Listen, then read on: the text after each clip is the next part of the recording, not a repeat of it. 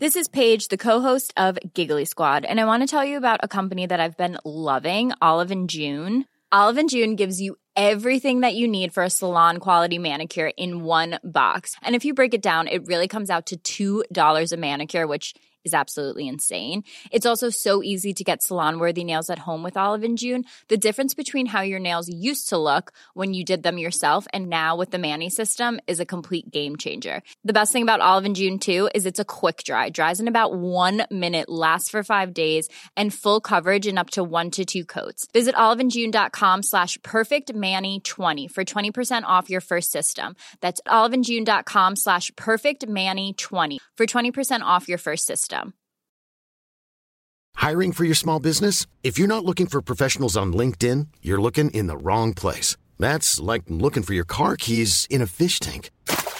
LinkedIn helps you hire professionals you can't find anywhere else, even those who aren't actively searching for a new job but might be open to the perfect role. In a given month, over 70% of LinkedIn users don't even visit other leading job sites. So start looking in the right place. With LinkedIn, you can hire professionals like a professional. Post your free job on linkedin.com slash people today. When you're ready to pop the question, the last thing you want to do is second guess the ring. At Bluenile.com, you can design a one-of-a-kind ring with the ease and convenience of shopping online. Choose your diamond and setting. When you find the one, you'll get it delivered right to your door. Go to Bluenile.com and use promo code LISTEN to get $50 off your purchase of $500 or more. That's code LISTEN at Bluenile.com for $50 off your purchase.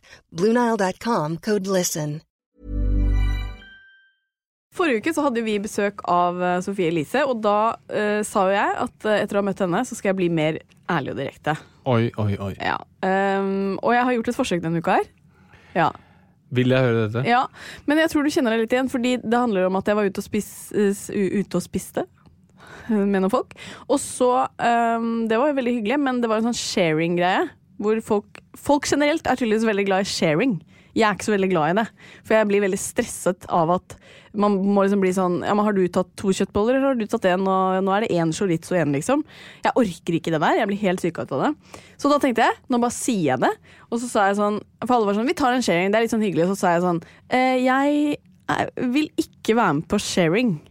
Og og da var det helt sånn For en mood-dreper, liksom. Eh, Så min erfaring fra den episoden er at jeg skal slutte å være ærlig. Det varte en uke. Nei, jeg må klare å stå i det, men, men du er jo ofte enig, fordi du er egentlig den ene jeg kan, eneste jeg kan liksom ha en sharing-meny med. Ja. Det er fordi vi begge spiser veldig mye mat. jo, men også vet jeg mat. at liksom, du tar det du vil ha, og jeg slipper å tenke på det. Men er jeg den eneste som har det sånn som det er? Du er jo sær. Du burde jo levd alene. Jo, men du er, hvis du går på restaurant med noen du ikke kjenner så godt Nei, Det er det er det verste jeg vet. Ja, du blir litt syka ut av det. Ja. Ja, Men, men jeg står heller i det enn å si det. ja, det burde jeg også gjort. Next time.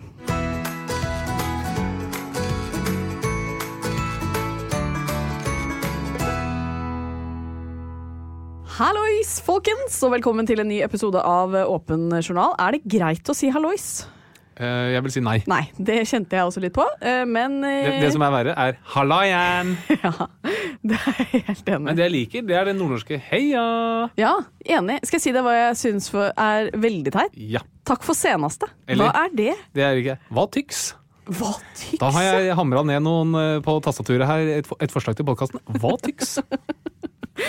Det som også er litt teit, er at veldig ofte hvis jeg syns noe er teit å si, så plutselig sier man det. Ja, men det er, ja, det er en forferdelig ubehagelig Du er noen som sier det mye, mye irriterer deg, og så blir du en av dem. Ja. Og så tenker du 'nå er jeg en av de'. Ja. Men dagens tema er ikke hva vi irriterer oss over ved folk generelt. Dagens tema er nemlig ikke for pyser. Fordi det bor jo en liten hypokonder i de fleste av oss. Vi er alle redd for å en dag få beskjed om at vi er alvorlig syke.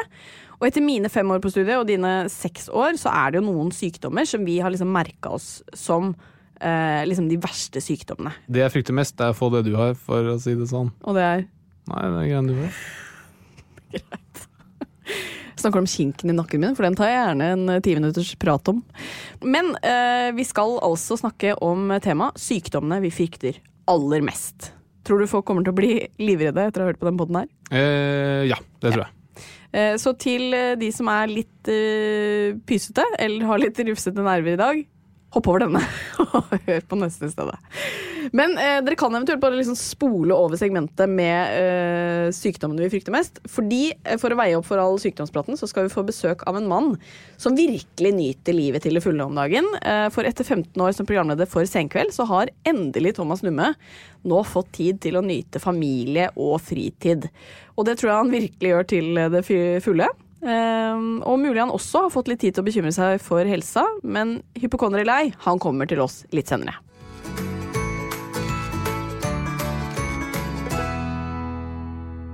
Du, det er jo noe som eh, rører seg om dagen, og det er eh, koronaviruset. Det er ikke til å komme unna at eh, det har blitt en aldri så liten panikk her i Norge. Kanskje særlig norsk presse. Eh, Jeg er ikke redd, for jeg hørte på radioen for noen uker siden, og der var Studmed K. Flatland ute til norske folk og sa hun er ikke spesielt bekymret. Og det er på en måte, jeg følte det var litt sånn 50-50. Enten så kunne det liksom bare dø ut det viruset, eller så kunne det gå sånn som det har gått nå. Det har nådd helt til Norge, og jeg tok grådig feil. Men bekymret eller ikke, det skal vi på en måte ikke snakke om her i dag. Vi har jo hatt en episode om eh, koronavirus. Men det liksom veldig mange nå bekymrer seg for, er ikke nødvendigvis viruset i seg selv, men panikken det liksom sprer i befolkningen. Og dette er jo nok et tilfelle på situasjoner hvor jeg gjør et eller annet som du ler av og ler av og mobber meg for, og så snur det, og så gjør du det samme. For eksempel, jeg kjøpte for lenge siden en tempurpute som du har eh, ledd av meg i månedsvis, og hver kveld sier du for en forferdelig stygg pute du har. Hva har du vært og kjøpt nå? En tempurpute. Yes. Og hva fikk vi til jul i fjor? Av min kjære far, Jan Harald. Eh, ja, altså det var jo en eh, Det var jo en gave som så veldig stor ut. Altså Bare for å liksom gi dere et eh, bilde på hvor stor den var, så var den, hva skal vi si, en Så stor. Meter bred. Ja, veldig god radio det her. Men det vi fikk, var jo noe som vi kan eh, tenke oss at han har blitt liksom inspirert av Doom Preppers av. Doomsday Preppers. Ja. Ja. Nei, altså det vi fikk av min kjære far, altså bare for å minne om det. Min far Jan Harald det var altså mannen som stilte opp på flyplassen før flyplassen hadde åpnet for å være sikker på å rekke flyet. Ja, han er veldig forsiktig. Og veldig nøye. Ja. En fantastisk fin fyr. Absolutt. Verdens beste pappa. Men det vi fikk av han, det var rett og slett en eske med rasjoner for å klare oss i tre døgn uten noen som helst kontakt med omverdenen. Så der er det hermetikk, det er en primus, øh, sånn gassbrenner, det er fyrstikker, det er dopapir, det er kontanter, havregryn havregryn og så videre. Og en batteridrevet radio som gjør at vi ikke trenger strøm, men kan få med oss meldingene fra myndighetene. Yes. Yes. Og du lo godt øh, den gangen. Du har lett godt helt fram til nå, hvor man ser at øh, folk hamstrer det de har, fordi de er redd for hva konsekvensene av dette koronavirusutbruddet kan ha. Ja, fordi sant, det var litt sånn hvem ler sist. Han var da altså ja, nesten halvannet år før liksom koronaviruset brøt ut. Så så han Så dette komme. Ja. Og jeg ler, og jeg har jo egentlig ventet på den store katastrofen helt siden jeg fikk den, fordi de, de varene som er i den esken, de er mine. Nei, de fikk vi sammen. Overhodet ikke. Nå skal du få en for å ha ledd av meg i månedsvis. Hva, hva er det du på en måte tenker at du ikke hadde klart deg uten? Nå tenker jeg ikke på mat og kanskje de liksom helt sånn nødvendige tingene. Da må jeg si min kone. Nei, det kan du ikke si. Nei, um, jeg tror mobilen min. Mobilen din? Ja. Det er rimelig åpenbart svar, men uh, ja, på tross av at jeg vant vår skjermtidskonkurranse for noen uker siden, så hadde jeg nok slitt veldig uten den. Hva med alle hu hudproduktene dine? De også. Ja. De også. Så ja, kanskje de egentlig aller mest.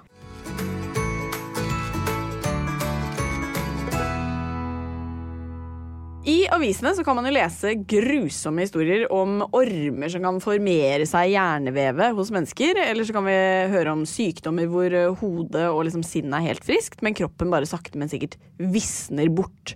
Og når man leser sånn, så er det ikke rart at man blir redd for å bli alvorlig syk. Eh, Og etter fem og seks år på medisinstudiet og eh, halvannet år i turnus og x antall år i arbeidslivet, Takk for det. da fikk du den. Eh, Så kan jeg love dere at eh, Harald og jeg vi har virkelig merket oss noen sykdommer som vi frykter mer enn andre. Og de skal vi ta for oss nå, Harald.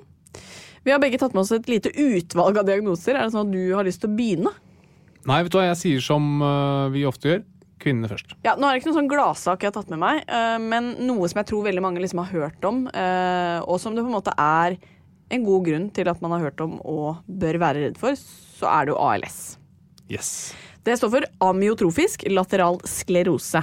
Um, og det er jo heldigvis veldig veldig sjelden at man får denne sykdommen. Altså ca. 1 av 50 000. 1 av 50 000, ja. Ja. Ok, og det betyr jo at uh, det er en del hvert år som blir diagnostisert med dette. Og dessverre så er jo levetiden liksom fra man får diagnosen til man dør, uh, ganske kort. Um, dette rammer jo flest menn da, enn kvinner. Er helt riktig, og den kommer jo som regel etter man begynner å bli voksen, altså etter eh, 50 års alder, men den kan også komme en del eh, tidligere. Ja. Eh, du kan gjerne forklare litt bedre enn meg. Ja, altså Måten du beveger armer og bein på, eller egentlig alt, måten du snakker på, og sånn, er at det kommer signaler fra hjernen via nerveceller ut til musklene. Så når vi snakker, så er det muskler i stemmebåndene som eh, gjør at vi får eh, lyd ut av luften, og vi beveger armer på samme måte, altså at det går signaler fra hjernen til musklene. Disse signalene går via, hjerne, eller, via nerveceller. Og det som skjer ved ALS, er at disse nervecellene dør, så du får ikke sendt noe særlig signaler fra hjernen og ut i musklene. Et, et tegn på ALS som veldig mange vet om, og som kan bekymre veldig mange, det er det vi kaller fascikulasjoner, eller sånn leamus, at du får muskelrykninger.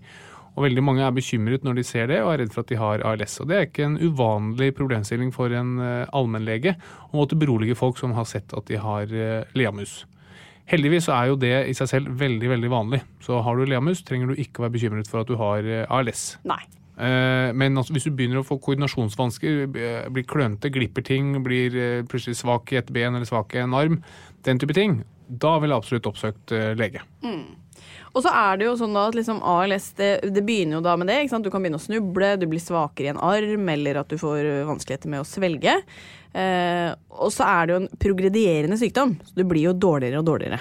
Yes, Så disse cellene de bare dør og dør og dør, og dør, helt til slutt hvor hjernen ikke klarer å sende signaler noe sted. Hjernen i seg selv fungerer jo, sånn at du har jo fortsatt eh, sinnet ditt, du tenker klart og er helt eh, kognitivt eh, på nett. Men du får ikke sendt noe signaler noe sted. Du får rett og slett ikke kommunisert med omverdenen. Mm. Det som gjerne går, eller varer lenge, det er kontrollen av øyemusklene. Sånn at de som er veldig hardt rammet av ALS, de kan ofte kommunisere ved bruk av øynene.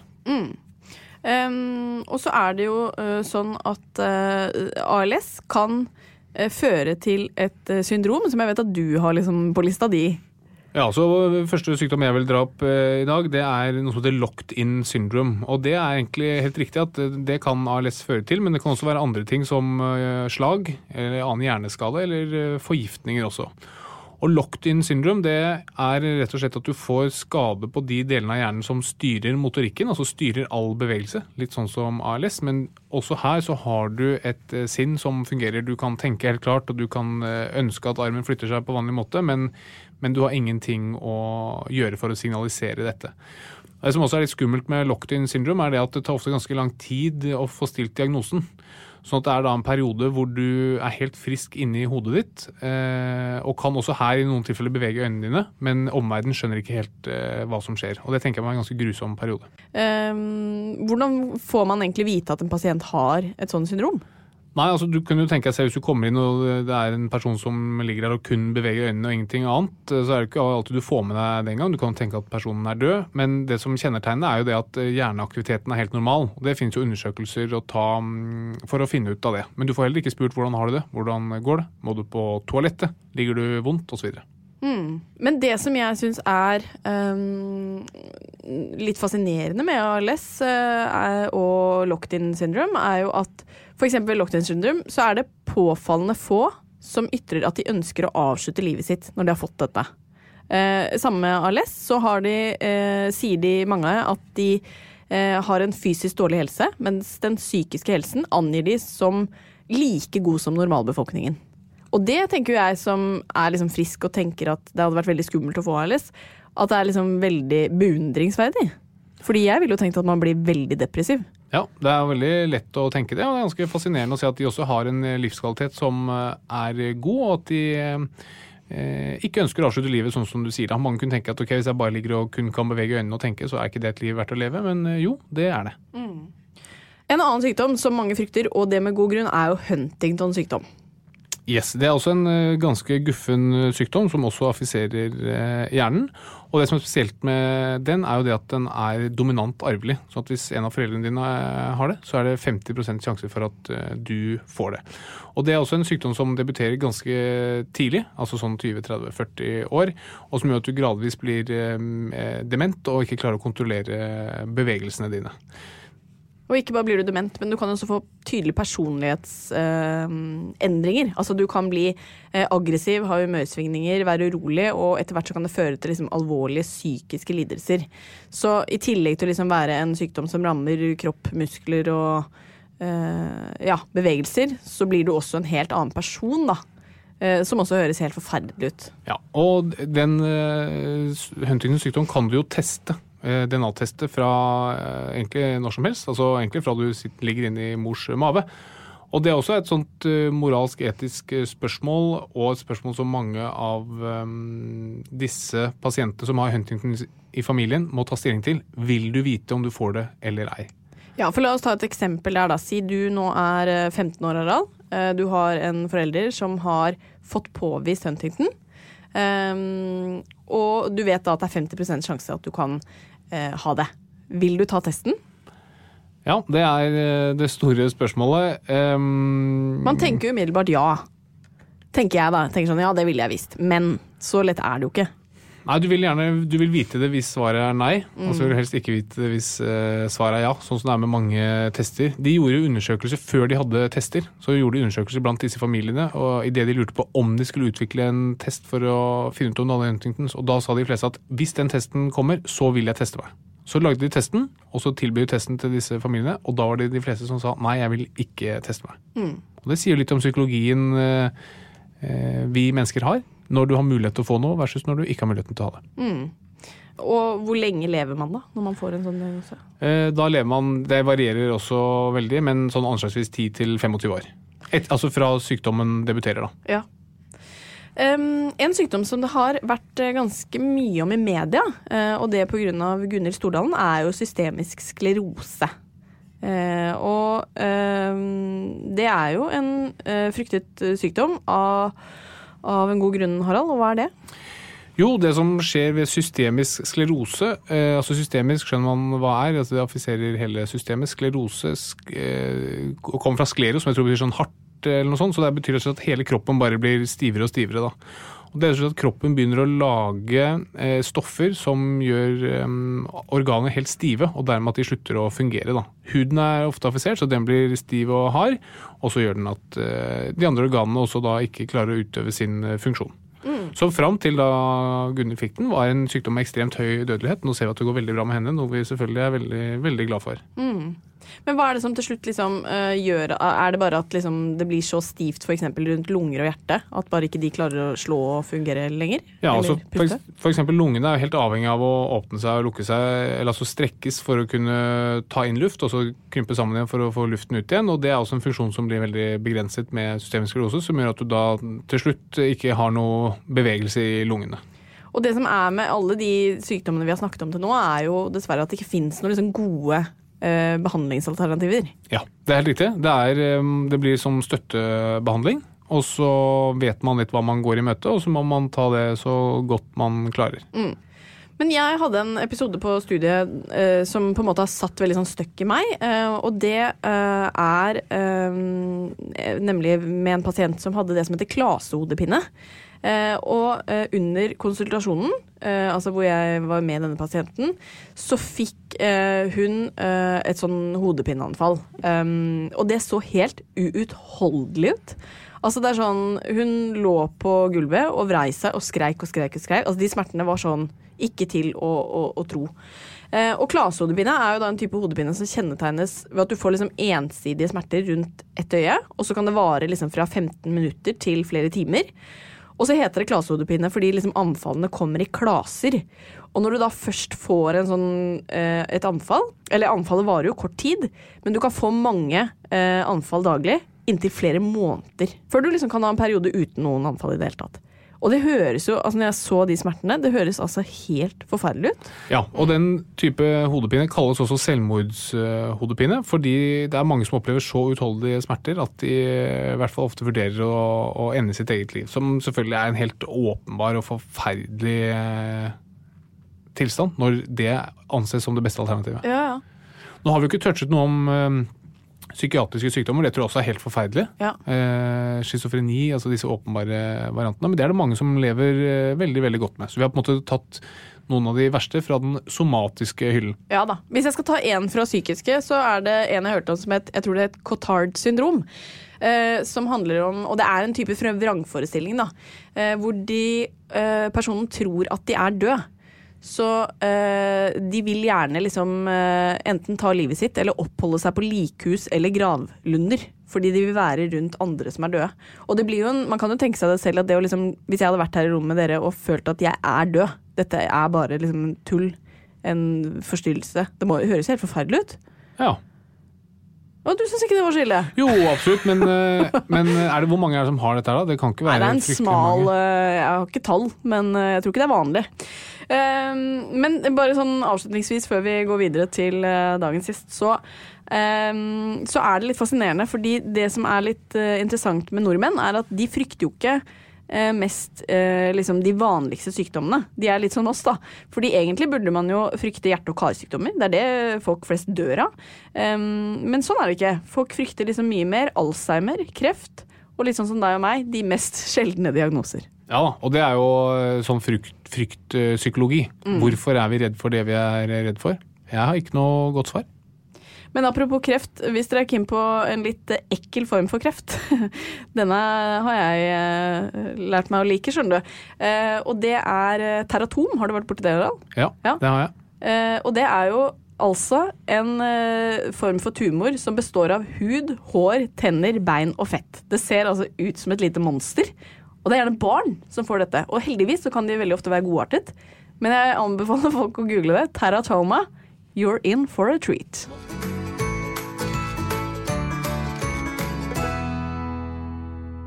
Da har vi fått pløyd oss gjennom de verste sykdommene, Harald. Eh, Åssen er det med nervene?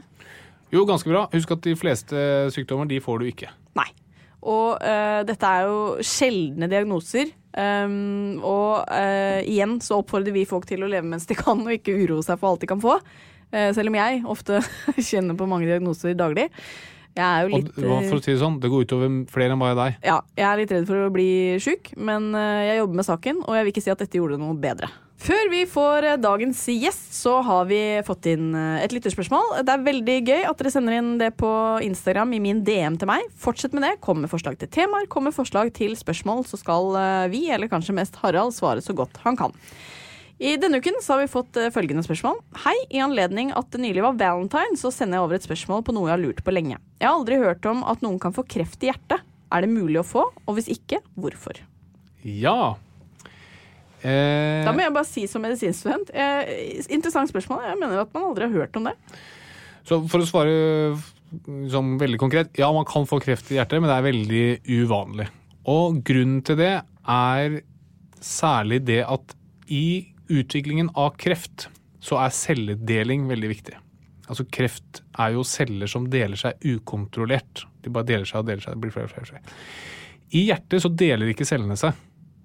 I hvert fall veldig sjelden. De, de, du lager en hjertecelle, og så sitter den og pumper livet ut, da, for å si det litt enkelt. Så i og med at den aldri deler seg, så er risikoen for å få kreft der veldig, veldig, veldig liten.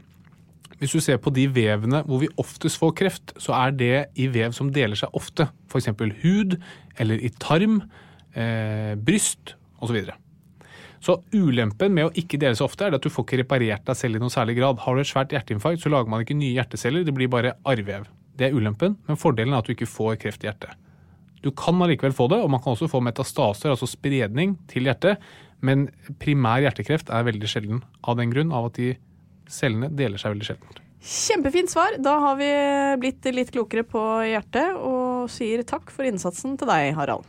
Yes, takk til eh, deg. Og husk det med alle disse skumle sykdommene. Ikke gå og vær eh, redd for det. Det rammer eh, de færreste av oss. Og selv når det rammer oss, så kan det gå bra.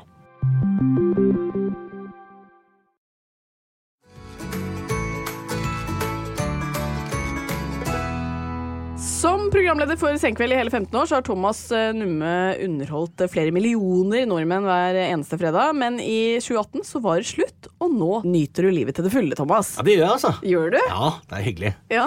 Og eh, jeg har hatt et nytt program gående nå, Ja. eh, som heter Casa Numme. ja. Og eh, vi hadde besøk av Staysman, og han sa at eh, nå tror jeg du har runda TV-bransjen når du har liksom har fått deg eget program fra eget feriehus i Spania. Det er faen meg sleipt! Altså Det virker som det beste programmet å lage. Altså Spise god mat, drikke god drikke og snakke med hyggelige folk. Ja, men det er, så det er jo liksom en videreføring av hva vi faktisk eh, holder på med til vanlig. Da. Det er jo på en måte det. Ja. Jo, du gjør egentlig ikke noe nytt, du bare satt inn noen kameraer. Ja, ja, det er akkurat samme greiene. Så deilig. Men stemmer det at For jeg mener at eh, Anette, kona di, sa at du har liksom blitt russ etter eh, Senkveld? Jeg hadde en periode rett etter senkveld uh, hvor det føltes for henne da, at jeg hadde liksom vært, hatt 15 års eksamen, og så endelig var det liksom joho! Uh, den sommeren der var eh, Det var mye gøy. Var det? Ja, ja, kjempegøy. Men nå, da? Er du liksom Er du inne i rutiner og sånn, Ja, ja, absolutt. Altså, men eh, men det er jo litt mer fleksibilitet enn det var, da. Mm. Når det ikke er sånn ukentlig eh, levering av et program, så er det jo litt annerledes. Og det har jeg satt veldig stor pris på. Ja, det tenker jeg Mm. var veldig fortjent og tiltrengt. Tusen takk. Ja. Men hva er det som liksom opptar deg om dagen, da?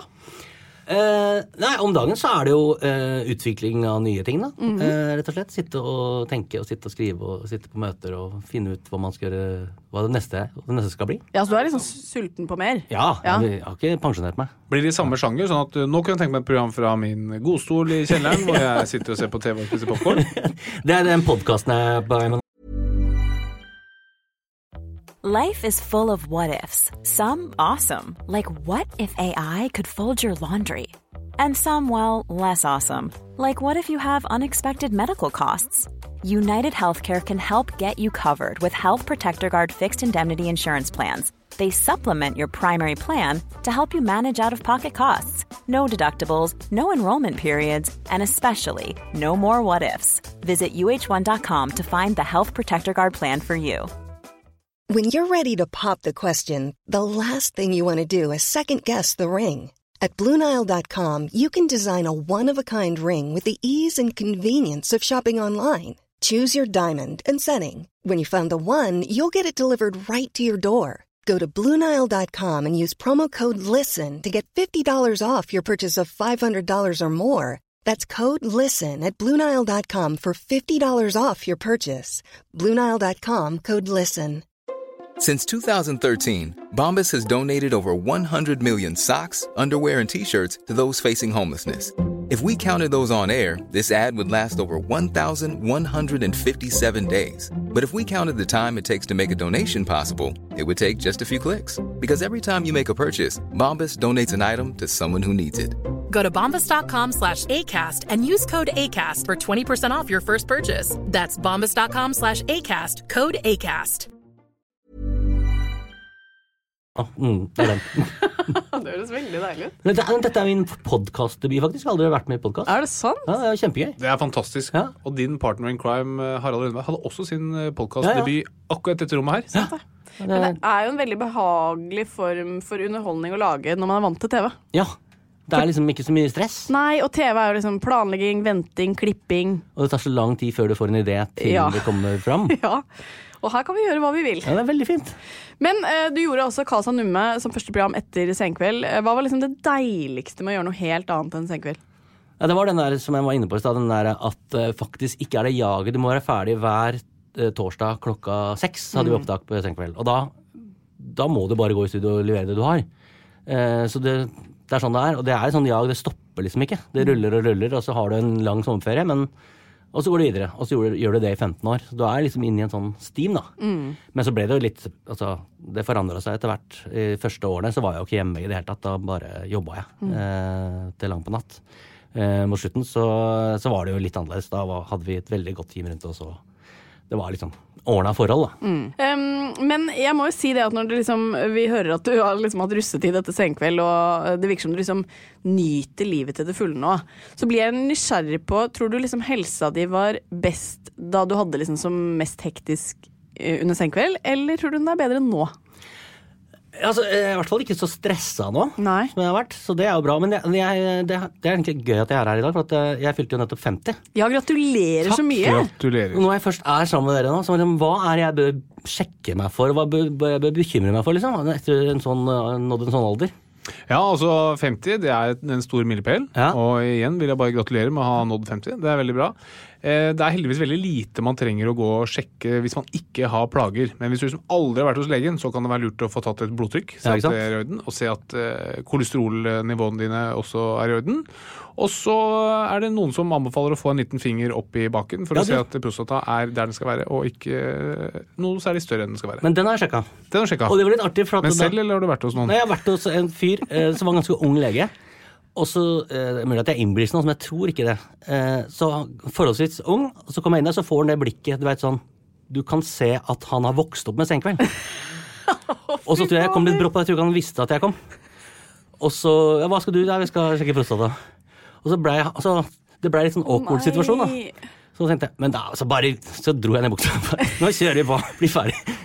Ja, men det er ganske interessant, for akkurat dette litt samme type historie hadde Harald Rundberg da han var her. Ja. Hvor han er i kontakt med helsevesenet, og så vet man ikke helt hvordan man skal ta det som helsepersonell. Du begynner å lure på om det er skjult kamera eller Ja, en sånn ja det er ofte, den får vi ofte høre. Men du var bare rett ned med buksa og Ja, ja, sprikte sånn, med skinkene. Dette her må vi løse opp i. Men syns du det er noe ubehagelig å gå til legen når du er kjent? Tenker du over det da? Eh, nei, for det må, man må gå til legen. Altså, jeg har en sånn årlig sjekk, jeg, Ja. eh, rett og slett. Eh, som jeg har liksom plotta inn sånn som tannlegen. Ja, så bra. Blir kalt inn. ja. Og det er bra. Ta de blodprøvene du skal og sånn. Tror jeg er lurt. Får Ja. mye skryt for god helse? Jeg hadde, nå jeg hadde én litt eh, Litt sånn, er det ikke sånn tre kolesterolgreier? Ja. En av dem var, ikke, den var på rødt. Ja. Resten var grønt. Det var lang liste fra Vyrt, er det det heter? ja. Nei, Fyrst. Vyrt er sånn Ja, er sånn makspol, krabbel. Ja, liksom. det, er, det er kvitteringen din fra Vyrt. De syns, de, de syns jeg hadde kjempe, Vyrt syns jeg hadde kjempegod helse. Ja, Det er veldig gøy. Men har du da liksom satt i gang noen uh, tiltak for å få den over på grønt? Eh, nei, for jeg vet ikke helt hva den gjør med meg. Eh, jeg vet ikke hva jeg skal gjøre for å få den. Jeg kan, jo- jeg kan, jeg kan ikke vi gå inn på den etterpå? Jo, så kan du fortelle meg hva jeg må gjøre for liksom å Jeg har ikke gjort researchen der. Jeg kan nok eh, antageligvis fortelle deg hva du må gjøre allerede nå. Mm. Trene mer, Ja. spise litt sunnere, drikke litt mindre alkohol. Ja. Okay. Så den blir værende på rødt. Så det blir, det blir kjedeligere, med andre ord. Ja. Det er ingen tvil om. Men har du merka noe annet eh, når du ble 50? Nei, øh, jeg syns ikke det var så vondt å bli det, faktisk. Jeg syns det var mye verre å bli 31. Å nei, det Ja, skal vi bli nå. Det hører jeg ofte. Ja, og det blir det jeg om var- noen måneder. den der, for da kommer det i eh, Når du slår på avisa, da er, sånn, da, er du, da er du fra 31 til 40. Nei, nei, Og nei, da nei, er du veldig nei, voksen. nei, Du er i kategorien 31 til 40. Og den gruer jeg meg til. Ja. Og så ble jeg 32, så har jeg aldri tenkt på det mer. Nei. Men dagens tema har jo vært uh, de verste sykdommene du kan få. Mm. Er, det, uh, er det noe du liksom frykter mer enn annet å få? Åh um, ALS, det, det er ikke noe kult å få. Nei, den er vi flere om. Vi har snakket litt om det tidligere i dag, og mm, det er en forferdelig sykdom. Det er ingen eh, tvil om det. Mm. Men er du sånn som går og bekymrer deg for å kunne bli syk av? Ja, ja Nei, altså jeg, jeg er kanskje litt for sånn korttenkt til det. Jeg banker i bordet og sånn og, ofte, men ikke Jeg går ikke rundt og tenker på det daglig, nei. Nei. Det er jeg ikke. Jeg har den årlige sjekken min, og da Ja, men Det er bra at du liksom sier deg fornøyd med det, tenker jeg. Ja, så får vi ta det, liksom. Men, eh, ja, nei, det er ikke noe Jeg er ikke noe eh, sånn Jeg går ikke rundt stadig og bekymrer meg. Det gjør jeg ikke. Har du noen gang vært ordentlig sjuk? da? Ja, jeg det kan jeg høre om dere finner ut av hva det er. Jeg eh, fikk eh, gule stafylokokker i blodbanen. Nå, men nå, dette her gjorde jeg da, fikk jeg da ved 14 år. Dette er min 14 år gamle hukommelse Ja. som sier dette. Og det kan hende jeg har feil uttrykk og sånn. Eh, riktig, gule er kult, stafylokok- stafylokokker eh, i blodbanen som gikk til angrep på alt. da. På mildt og lever, og jeg hadde masse eh, sånn vann i lunger og rundt hjertet. og Eh, Så endte det med at ene leggen min var en stor som en tømmerstokk. Og så lå jeg på et lokalt sykehus som ikke skjønte helt hva som feilte meg, så de bare pumpa meg med sånn Paragrin Forte. Nei. Så jeg bare hosta sånne svarte blodkuler eh, i to uker. Og så ble jeg kjørt til Vestfold sentralsykehus, og da var det bare rett inn på, eh, rett inn på operasjonsbenken med en gang. Rakk ikke bedøvelse. Jeg husker de klippet opp leggen min. Husker jeg lyden av den saksa. Eh, for da var det blodpropp. Eh, og da var det rett, da var det rett eh, lå i kunstig koma i 14 dager, tre uker. Eh, det var litt sånn heavy. Det var litt farlig, altså. Ja, dette Ja. høres ut litt som sepsis, eller Harald? Blodforgiftning? Ja, Ja. absolutt. Det er det det høres ut som da. Hva, hvordan tror dere da jeg, har teorien, eller jeg har fått den teorien. Hvorfor tror dere at jeg, en 14 år gammel gutt, kan ha fått gule stafylokokker i- inn i meg? Altså Gule stafylokokker er en bakterie som vi alle har på oss, og Ja. rundt oss den lever vi godt eh, med i utgangspunktet. Og den skaper ikke sykdom. Det den er, det er en, det vi kaller en opportunistisk bakterie. Som betyr at når den ser en opportunity, så tar den. Ja. Så det, det er ganske vanlig å få det i sår, da. Ja. Eh, sånn at hvis man har et, eh, et sår i huden, da kan de slå seg ned der. Og da kan de også i noen tilfeller spre seg inn i blodbanen og gi sepsis eller blodforgiftning. ja. Så det er sannsynligvis det første spørsmålet du fikk. Da har du noe sår? Er det noe liksom gnagsår? Har du falt og slått deg? Eller Ja. noe sånt? Jeg vet ikke om det var noe sånt. For det, nei, det var, teorien var nettopp at jeg spilte håndball på en sånn ruglete, gammeldags 70-talls, eh, 80-talls uh, gulv. Eh, på, I en hall hvor det var hundeutstilling dagen før. Og jeg spilte uten knebeskyttere. Ai, ai. Og så har jeg fått et sår og sklidd på et sted hvor det var Det, er noe sånt. det var teorien den gangen, da. Yes. Men eh, det er jo eh, Altså, den viktigste årsaken til sykdom, hva er det? Uflaks. Ja. Ja. Så det er det du har hatt, da. Mm, ja. men, eh, men at disse bakteriene har funnet en vei inn i deg, det er noe helt sikkert. Og Mm. en, bruk, eller en ødelagt hudbarriere er liksom eh, vanligste årsak. Mm. Og da blodpropp er jo en, ikke en direkte følge nødvendigvis, det kan være en indirekte følge. da. Du er sjuk og svak og dårlig bak, og så Mm. ligger du flatt, og så da får blodet samlet seg i leggen og kan bli en blodpropp. Mm. En ikke uvanlig komplikasjon hos alvorlig syke pasienter. Men uh, i løpet av senkveldkarrieren så har det jo blitt en del skader, i hvert fall på Harald Rønneberg. Har Ja, ja. du liksom sluppet billig unna, eller? Nei, jeg har ikke på ingen måte. Nei. Jeg har jo løpt i blinde. Ja. Eh, Skulle øve meg litt uten assistanse. og Løp litt for meg selv i blinde. Det sier seg jo selv at det er rimelig dumt. Da. Ja, tenkte ikke jeg på. Jeg hadde full kontroll. Og så løp jeg rett inn i en vegg og bare skar opp hele hånda. Sånn ganske stort kjøttsår der. Ja. Eh, Jeg har knust begge håndleddene mine med sånn, sånn karate med sånn murstein. Oh, Og de er ikke gode ennå. Jeg, jeg sliter med å skru opp brusflasker. Ja. Um, Du tok trommehinna da jeg var med ja, på tok jeg. Ja. Den stupte fra seks-sju meter og landa på øret. Du dødsa. Fra, Dødsa, ja. ja. Mm. Ja, det, Så ja, nei, jeg har ikke gått helt fri, altså. Dere har lidd litt for underholdningen, Ja, det, eh, altså. føler jeg. Føler jeg. Det er jo, jeg, vil ikke, jeg vil ikke dra en direkte sammenligning til Jesus Kristus, men han også led jo for våre synder. da. Ja. Du har jo lidd for vår latter. Ja, ikke sant. Det er hyggelig, hyggelig å kunne stå til tjeneste. En slags moderne Jesus Kristus. Men eh, hva slags forhold har du til liksom det å gå til legen? da? Du nevnte at du går liksom en gang i året, men Ja. er det sånn at hvis du får litt sår hals, så Nei, jeg, det er litt, jeg har litt sånn høy terskel for det. Ja. Jeg må ikke Jeg må, det må, jeg må være skikkelig dårlig. ja. Ja. Uh, jeg vet ikke om jeg kan si det. Jeg kan si det her. Vi var jo Det var kjempegøy. Uh, Anette, min kone, hadde blindtarm. Blindtarmen oh, ja. Altså, vi satt i kø, og hun hadde det så jækla vondt. Og der møtte vi uh, Linn Skåber, eh, som også satt i kø og var helt utmatta. Helt, så hun satt liksom først før oss i køen. Anette satt der med blindtarmen og hadde det helt forferdelig. I køen, hvor er vi? Da er vi i kø på eh, legevakta? legevakta. Eller, mm. Og Linn slipper inn først, da. Eh, og så forsvinner hun, og så er det inn med Anette og blir operert for blindtarmen og full pakke. ja. Og så møter jeg Skåber igjen en par uker senere. Og så spurte jeg var- hvordan gikk det, gikk det bra med deg. Ja, det var jernmangel. Nei. Nei. det er veldig gøy. Da var hun veldig flau. Fy faen, det er gøy. Ja, men det er det. Uff a meg. Hun følte seg sikkert dritsvimmel og slapp og Hva har du å si til dette her, da? Nei, det, det er godt hun fikk hjelp så fort, eh, tenker jeg. Men det er jo det som er litt skummelt med legevakttjenester. Er jo at de som liksom skriker høyest, blir jo tatt inn først, Ja, ja. da. Men hun skreik, hun var Nei helt da. likbleik av Ja. jernmangel, altså. Ja. Ja, så det var ikke noe voldsomt. Men det er jo ikke nødvendigvis de som har vondest. ikke Nei, sant? det er jo ikke det. Ofte er jo de som har vondest, klarer jo ikke å si noe engang. Dessverre. Men uh, blindtarmsbetennelse, eh, har du hatt, eh, Harald? Nei? Nei, men jeg opererte en del av det. Ja, ikke Ja. sant? Er det sånn Det er, er, det, det er ikke noe komplisert operasjon, eller? Eh, nei, det kommer jo an på hvor man setter grensen for hva som er komplisert. Da. Ja. Men eh, du, du får jo folk til å mm, slutte å puste, og så må du puste for dem. Eller Ja. noen gjør det. Anestesilegene gjør det. Og så må de være helt eh, lamme og ikke kjenne noen ting. Og så må du skjære i dem. Ja. Blåse opp magen med luft, og så inn med lange instrumenter. Og så klippe og svi og sånn i tarm, da, hvor det er en milliard livsfarlige bakterier millimeter unna. Så jeg vil si det er litt komplisert. Men det som er fascinerende med blindtarms... eh, Der fikk ja, der fikk Det er dumt å være, sånn, være veldig på og nysgjerrig. Det som derimot er ukomplisert, det er jo bare å sitte foran en TV-skjerm og lire av seg noen vitser. Akkurat det skulle jeg klart. Nei, men Det som er interessant med blindtarmsoperasjoner, er jo at dere opererer jo veldig ofte på bare at man tenker sånn Det kan være.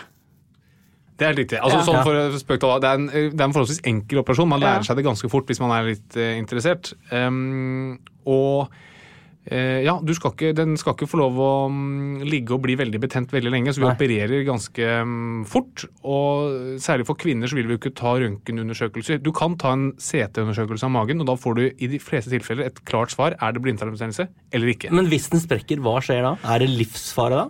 Hvis den sprekker og du ikke er på sykehus, så er det det. Ja. Men, men en del av de vi opererer, er allerede sprukket. Ja. Men da er det greit. Det er litt mer opprydningsarbeid å gjøre inni magen. Og så blir etterfølgende sannsynligvis litt større. At du Mm. kan få mer eh, sammenvoksninger inni magen, for det har vært mer irritasjon inni, inni magen. Men det med at dere ikke da alltid vet, men likevel ja, opererer. sorry, det var det, ja. Um, yes. Sånn at du kan ta en CT-undersøkelse og, og få svaret, men uh, CT inneholder en del stråling. Så Ja. som regel så bare kjenner vi på, og så tar vi det litt på såkalt gefühlen, om det er det eller ikke. Og så sier man jo det om en god gastrokirurg, at du skal ha noen bleke blindtarmer. Altså du skal operere noen uten blindtarmsbetennelse. Em, fordi hvis, du, hvis alle du opererer har blindtarmsbetennelse, så har du sannsynligvis oversett noen. da. Så man Ja. bare ser, Skal man operere litt for mange eller litt for få? Og da vil vi heller operere litt for mange. Ja, det er deilig å høre. Jeg vet jo også at Harald har sett en del på YouTube for å lære seg disse operasjonene. Ja, for dere gjør det, ja. Det er sånn det Ja, altså, Noen det- lærer seg å spille piano, noen tar blindtarmen. Ja, men altså Kirurgi er jo et volumfag, da. Ja. Og jeg vil si at uh, den behandlingen man får i norske, på norske offentlige sykehus, er fantastisk bra. Ja. Så det er ikke noe sånn at dette er folk som har lært om på YouTube. Men, um, og man har overlege med seg, og, så dette er veldig sikkert og bra. Men, men det som er i kirurgifaget, er det at du må liksom se 100 eller 1000 eller 10 000 før du blir ordentlig, ordentlig god. Og du, det er noe snarere å bare sitte og se på mange operasjoner Ja. på, på YouTube, fordi det ligger veldig mye bra informasjon der. Hva er det du ser på YouTube, Thomas? Og det er sånn eh, Det er sånn musikk, sånn musikk som jeg likte da jeg var Ja. ungdom. ja, og Går tilbake var og ser den konserten som jeg var på. Jeg er, er litt sånn litt, Jeg er blitt sånn sentimental. Ja, Ja. litt nostalgisk, Mm. liksom. 50 år gammel musikk. Ja, ikke så gammel. Si 35 år gammel musikk, da. Si 85, da. 85-86, liksom. Men nå som du da har fått så mye fri, som Ja. du kan selge på gamle konserter på YouTube, har du fått noen hobby, liksom? Du har begynt å synge i mannskoret. Er det sant? Ja, det er veldig, gøy- veldig stas, altså. Ja. Er du god til å synge? Eh. Ja, det er han. Han er jo kjent for å være god til å synge. Ja. Ja, ja. Ja. Kan du um, Miley Cyrus The Climb? Nei, den har jeg, har jeg ikke på repertoaret, gitt. Nei, Da anbefaler jeg å høre på en av våre tidligere episoder, Ja. hvor eh, min kjære hustru, Gleder Studmen meg. Flatland, synger den sangen. Gleder meg. Men er, er, nå, Mulig det er et dumt spørsmål, men synger du da liksom andrestemme, stemme, første stemme er, Ja, første bass, er jeg da. Første bass? Ja, det er andre bass, første bass, første tenor og andre tenor. Ok, Så du synger lavt, du? Jeg synger ja, litt sånn. sånn. Litt sånn som jeg snakker, litt sånn mørkere enn jeg snakker. Her synger jeg. Ja. Mm. Hvor ville du sunget, Harald? Jeg ville sunget her. Hvem- Men jeg ville jo helst sunget her. Ja, min drøm er jo å ha en så mørk og Er ikke det Leonard. Cohen-ish? Veldig. Ja. Men um, når du først liksom har muligheten eh, i denne podkasten, har du liksom noen medisinske ting du lurer på, som Harald kan eh, hjelpe deg med? Ja, altså for at du tør Du, du er, du sier for du er 70% 83,3% 83,3. Unnskyld. Unnskyld. Yes. Så, men du, du skyver opp Harald, Harald Ja, jeg prøver å svare, men eh, han er fasiten. Nei, hva er det jeg kan lure på? Nei, jeg har fått svar allerede på en del ting, da. Sånn øh, passe på det, kolesterol, ja, trene mer, ja. Det er bare kjedelig råd å få. Eh, nei, altså, det er ikke noe spesielt man trenger Nei, å tenke på. Det er bare Nei, bare bortsett fra det, da. Ja. Som alle vet og ingen gjør. Ja, ikke sant? Det er noe med det. Men kan jeg spørre det at han går til en helsesjekk en gang i året når man er 50? Ville du anbefalt det? Eh, ja, det vil jeg anbefale. vil du, ja. Men jeg, da anbefaler jeg at man eh, Eller liksom på legens side, da. Men, men det, det er ikke sånn at du trenger å ta en haug med blodprøver hvert år, en hel haug med undersøkelser. Nei. Eh, det er mye å bare prate, liksom. Hvordan spiser du? Hvordan har du det? Hvordan går det? Hvordan Ja. er det på jobb? Det er jo det en stor del av helsen. Fol- eh, og helseundersøkelsen. Folk tror at jo flere undersøkelser du tar, jo flere blodprøver du tar, jo bedre er det. Sånn er det ikke. Nei. Så du kommer til å fortsette? Nei, altså, jeg må altså, Jeg må jo ikke, men hvis jeg føler meg ålreit, så, jeg, jeg, altså, jeg, så jeg tenker også at det å ha det bra, da, det Ja. hjelper jo litt på helsen, det òg. Mm. Absolutt. Sånn at dette, Definitivt. dette, er på en måte oppfordring til uh, meg selv og andre leger. Mer enn pas altså Pasientene må få lov å komme så ofte de vil. Og hvis de vil ha en helsesjekk en gang i uka, så er det også helt greit. Men det er som legens jobb å si at ok, hør her nå, i den alderen så er det det og det det er risiko for. Det tester vi på den og den måten. da.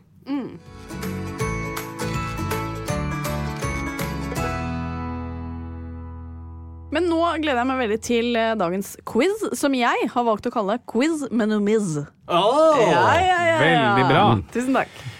Vi går rett på sak. Ok. Eh, til Numis. Er det samme ku som fant opp kugalskap og q-tips? Eh, eh, nei, det er, det er det faktisk ikke. Eh, for det er, eh, den er Jeg tror det er, den ene er fra asiatisk ku, den andre er, eh, er mer sånn fra dental. Hva sier du, Flatvann? Nei, altså, i rekken av dumme spørsmål så er svaret nei. Det er helt riktig. Den kjente oppfinneren i James Bond heter jo Q. Kalte han brystene til kona si for Q-tits? Nei, men i alle dager, dette er jo liksom eh, Nå har det rakna helt, altså. Nei, det gjorde han Nei, er ikke. ikke det. Nei. Burde han gjort det? Ja, det burde det. Hadde vært gøy. Bruker vi chili i vestlig medisin i dag? Chili? Eh, nummer først. Eh, I og med at du sier vestlig medisin, så eh, da eh, føler jeg at da gjør de det i østlig medisin, men så er det veldig global. Medisin er jo veldig globalt nå. Det, ting flyr jo litt rundt. Så er egentlig spørsmålet er om det er chili i medisin eller ikke. Eh, og jeg velger å svare nei. Ok, okay. Stud med den. Ehm, altså, jeg tenker at vi har svart riktig begge, nei, ja, begge to på de utrolig dumme spørsmålene så langt. Så for at jeg skal ha en sjanse her, så svarer jeg ja. Hvorfor? Ja, nei, det- hva, hva brukes det i? Ja, nei, altså, jeg ville jo tenkt at det kan brukes i hjertemedisin. Herregud. Men du har rett på ja, da. Ja. Men eh, hjertemedisin du vet, Det er ganske skummelt som lege eller å skyte så for ofte. Liksom, eh, Ja, ja, herregud. eh, men vi, altså en del i, altså det er en del av chili. da. Det som gjør som chili sterkt, det heter kapsaisin. Det Ja. stoffet. Og Ja. det kan vi bruke som smerte- og kløstillende medisin. Oi, skulle tro det klødde, faktisk, mer enn det Ja, jeg har jo prøvd å spise 1800 sånne forskjellige styrker av chili, og det, det svir og klør mer enn noe annet. Å, det hørtes vondt Neste spørsmål. Hva er anbefalt nedre grense for søvn per natt for voksne? Oi. Jeg vil si eh, Man sover litt mindre når man blir enda eldre enn jeg er.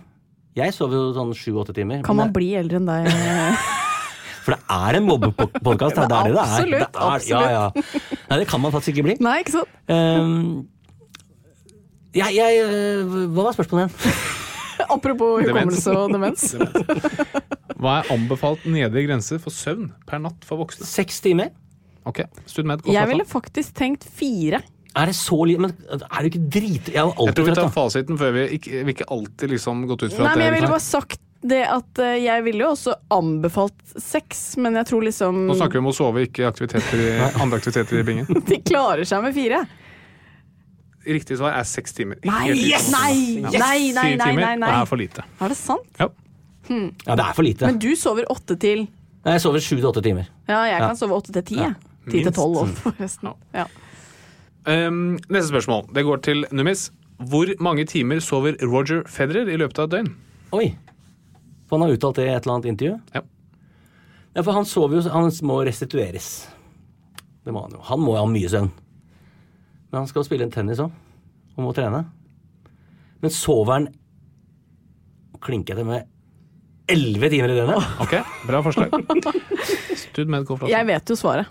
For dette har du fortalt meg tidligere. Så jeg, av, eh, jeg, pleier, jeg er jo veldig real når det kommer til konkurranser. Ja. Så jeg tør ikke her å svare før du jeg, jeg, Du kan jo bare komme fast Da ville jeg sagt tolv timer. Det er helt riktig. Ja, for jeg holdt på å si tolv. Jeg tenkte det var for mye. Men det er mye! Ja, det er mye, altså. Han har uttalt det. Sover ti timer om natten, og så to timer på dagen. Ja.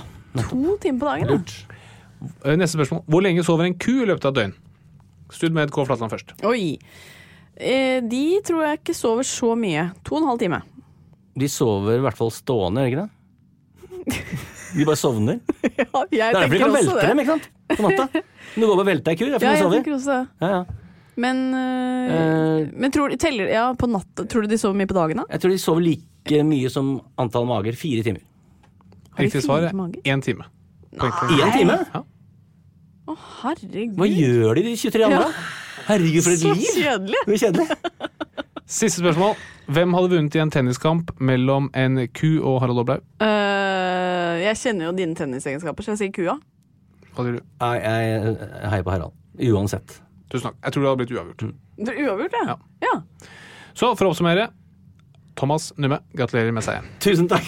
Og jeg blir jo sjukelig glad uansett hva slags konkurranse det er. Og jeg veit det er ekstra stas å slå Katarina, for hun er like sykelig eh, konkurransesnill som meg. Altså, jeg hater å tape, eh, men eh, akkurat denne useriøse eh, quizen, det kan jeg fader meg leve med. Det er en veldig kjent stil for dårlige tapere å begynne å anklage konkurransen. Men jeg har slått deg, Flatland. Jeg har slått deg. I det her, ja? Ja, ja. Ja ja, men hva betyr det, liksom?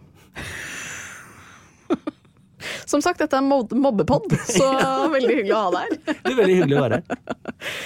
Men vi pleier alltid å få et helsetips før vi avslutter, Harald. Eh, Er det noe du vil at Thomas skal ta med seg hjem av tips i dag? Eh, ja, vi har snakket litt om dette med trening og sånn, og nå som vi lir mot eh, sommer, em, så er det kanskje mange som vil trene litt ekstra for å komme ekstra i form. Det som er mitt helsetips, det er å sette deg et eh, mål og ha en konkurranse med en du kjenner godt, hvor det er vesentlig med penger eller eh, ting i potten. Jeg for eksempel, har en konkurranse med min gode venn nå frem mot sommeren, hvor taperen må betale en langhelg i København med fly og hotell. Oi, det er Og det gir en utrolig motivasjon. Ja. Det er en treningskonkurranse. Det er en treningskonkurranse. Ja. Hva er, men hvor, hva, hva er liksom Hva skal til for å vinne? Vi har altså vært så overfladiske og materialistiske og sagt at det går på objektiv eh, Det det går på differanse i objektiv digghet. Sånn at vi har tatt førbilder uten ansikt Ja. for å se på kroppene våre, og så tar vi etterbilder uten ansikt. Og Så er ser en vi jury som kommer til å avgjøre? Helt riktig. Eh, Ti uavhengige personer i en jury. Og så ser du hvem som har hatt den største relative økningen.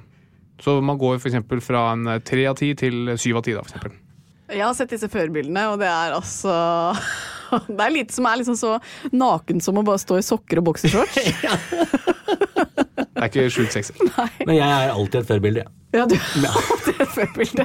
Og lot du deg inspirere av denne konkurransen, eller tenker du at du fortsetter med Jeg tenker at jeg tar litt med ro til, jeg. Det er snart sommerferie. Ja, det er snart sommerferie? Jeg syns det er deilig å høre at han nyter livet til det fulle. La oss Absolutt. inspirere litt av det også. Husk på Den mentale helsen er den, uh, en av de viktigste helsene vi har. Ja. Um, Thomas, tusen hjertelig takk for at du kom. Veldig hyggelig å kunne komme. Eh, Eller og kunne komme. Veldig hyggelig å være her. Og tusen takk for at jeg fikk komme, heter det. Var hyggelig å få han til å komme, var det ikke det? Katt. Jeg bare tulla. Eh, vi håper at dere hører på oss neste uke. Da er eh, Synnøve Skarbø gjest. Og hvis du har lyst til å bli oppdatert på Åpen journal, så kan dere abonnere på podkasten vår. Da blir vi glad. Takk for i dag. Hei då! Hei. Plan B. Even when we're on a budget, we still deserve nice things. Quince is a place to scoop up stunning high-end goods for 50 to 80% less than similar brands. They have buttery soft cashmere sweaters starting at $50, luxurious Italian leather bags, and so much more. Plus, Quince only works with factories that use safe, ethical, and responsible manufacturing. Get the high-end goods you'll love without the high price tag with Quince. Go to quince.com slash style for free shipping and 365-day returns. Imagine the softest sheets you've ever felt. Now imagine them getting even softer over time. That's what you'll feel with Bowl and Branch's organic cotton sheets. In a recent customer survey, 96% replied that Bowl and Branch sheets get softer with every wash. Start getting your best night's sleep in these sheets that get softer and softer for years to come. Try their sheets with a 30-night guarantee. Plus, get 15% off your first order at bowlandbranch.com. Code BUTTERY. Exclusions apply. See site for details. Mom deserves the best, and there's no better place to shop for Mother's Day than Whole Foods Market. They're your destination for unbeatable savings, from premium gifts to show-stopping flowers and irresistible desserts. Start by saving 33% with Prime on all body care and candles. Then get a 15-stem bunch of tulips for just $9.99 each with Prime. Round out Mom's menu with festive rosé, irresistible berry chantilly cake, and more special treats. Come celebrate Mother's Day at Whole Foods Market.